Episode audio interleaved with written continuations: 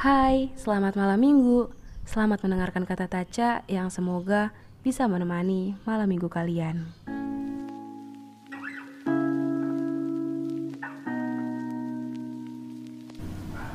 Halo, kenok nok.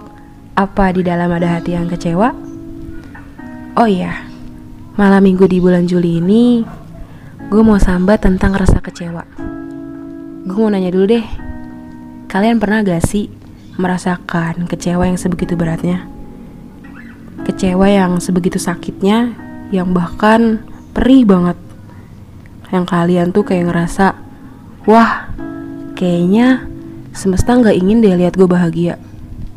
Eh, Tuhan lagi ngerencanain apa sih? Kok rasanya perih banget? Salah gue apa sih? Dan kenapa harus gue? Nah, bicara tentang kecewa, gue jujur pernah mengalami dan merasakannya. Ya siapa sih manusia yang gak pernah merasakan kecewa dan terluka? Ya gak? Butuh waktu memang untuk semuanya kembali pulih seperti sedia kala. Dan terkadang setelah rasa itu kembali normal, gue atau kalian pasti kayak pernah mendapatkan suatu hal ya yang mungkin ini bisa kita sebut sebagai hikmah dan kita kayak mikir ulang oh jadi ini tuh maksud Tuhan oh iya juga ya. Ini untuk kebaikan diri kita sendiri. Kayak ada kejutan-kejutan yang kita nggak duga gitu setelahnya. Uh, gini deh. Misalnya gue ambil sampel kecewa yang sering banget bertebaran di kalangan masa remaja. Yang gak masa remaja juga sih. Ini kayaknya terjadi di semua kalangan deh di anak-anak remaja bahkan dewasa. Yaitu tentang cinta dan rasa ketika kita merasakan jatuh cinta dengan lawan jenis kita pasti salah satu permintaan favorit kita di kala sambat dengan Tuhan adalah meminta didekatkan bila dia baik untuk kita dan dijauhkan bila dia bukan yang terbaik untuk kita. Tapi seiring jalannya waktu, kan ada nih part di mana orang itu uh, pergi meninggalkan kita dan meninggalkan luka. Dan ketika dia pergi, kita kayak merasa sedih dan hampa yang padahal dan seharusnya kita merasakan biasa aja dan justru bersyukur. Toh, ini adalah jawaban dari sambat yang setiap malam kita lantunkan kepada Tuhan, bukan? Yang tandanya memang bukan dia jawaban yang tepat untuk menjadi bagian dari kehidupan dan pasti akan ada hal baik nan indah yang akan menanti kita dan menyambut kita nantinya di depan. Atau hal lain deh misalnya dari pengalaman gue ya.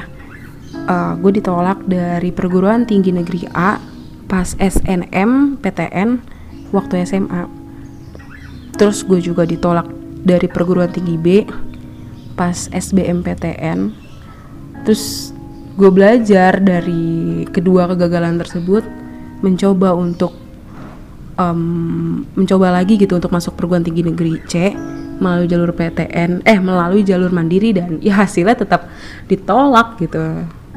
Nah sampai akhirnya sekarang gue ada di Institut Taskia Bogor. Ya ya udah gue jalanin aja gitu. Gue tetap berprasangka baik kalau nanti di depan akan ada hadiah atau kejutan yang disiapkan untuk gue gitu. Dan yang as hasilnya realitanya ternyata nggak nunggu sampai akhir dulu tuh untuk merasakan kejutan-kejutan itu. Gue baru masuk kampus gue yang sekarang pun gue mendapatkan hal-hal yang nggak gue duga hal-hal yang yang yang kalau gue masuk perguruan tinggi eh perguruan tinggi itu gue bakal nggak bakal dapet gitu apa yang gue alamin apa yang gue rasain pada saat sekarang gue di uh, kampus institut Taskia gitu gue nemu temen atau circle yang emang gue impikan gitu. Gue dapet tempat gue dapet pengalaman gue dapet pelajaran yang emang gue harapkan gitu pada awalnya. Dan ternyata yang emang itu nggak akan ada di perguruan tinggi negeri A, B dan C. Yang itu adanya di kampus gue ini ya sekarang gitu.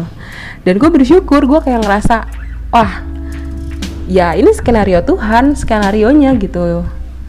Karena kita nggak tahu kan yang terbaik buat kita kadang bukan yang terbaik buat dia gitu. Apa yang kita anggap baik belum tentu baik menurutnya. Apa yang kita anggap buruk belum tentu buruk menurutnya.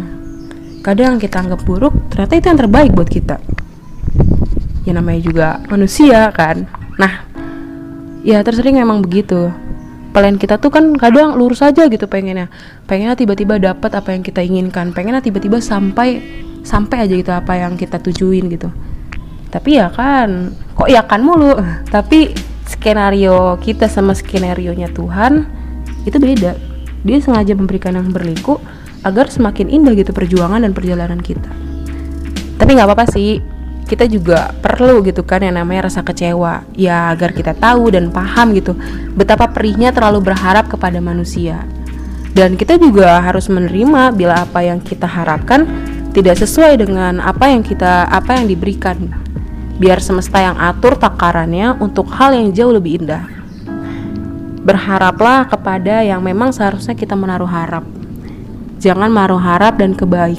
Jangan kita tuh menaruh harap dan kebahagiaan lebih itu kepada orang lain. Karena kita nggak tahu kan kapan orang lain itu akan mencabutnya.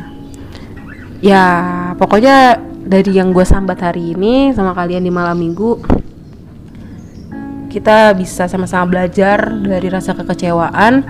Kita sama-sama kurangi kadar terhadap harapan. Dan cukup sekian kata dari Taca pada malam minggu kali ini. Semoga bisa menemani kalian semua. Semoga teman-teman semua bahagia selalu. Selamat malam jaga kesehatan dan sampai jumpa di malam minggu selanjutnya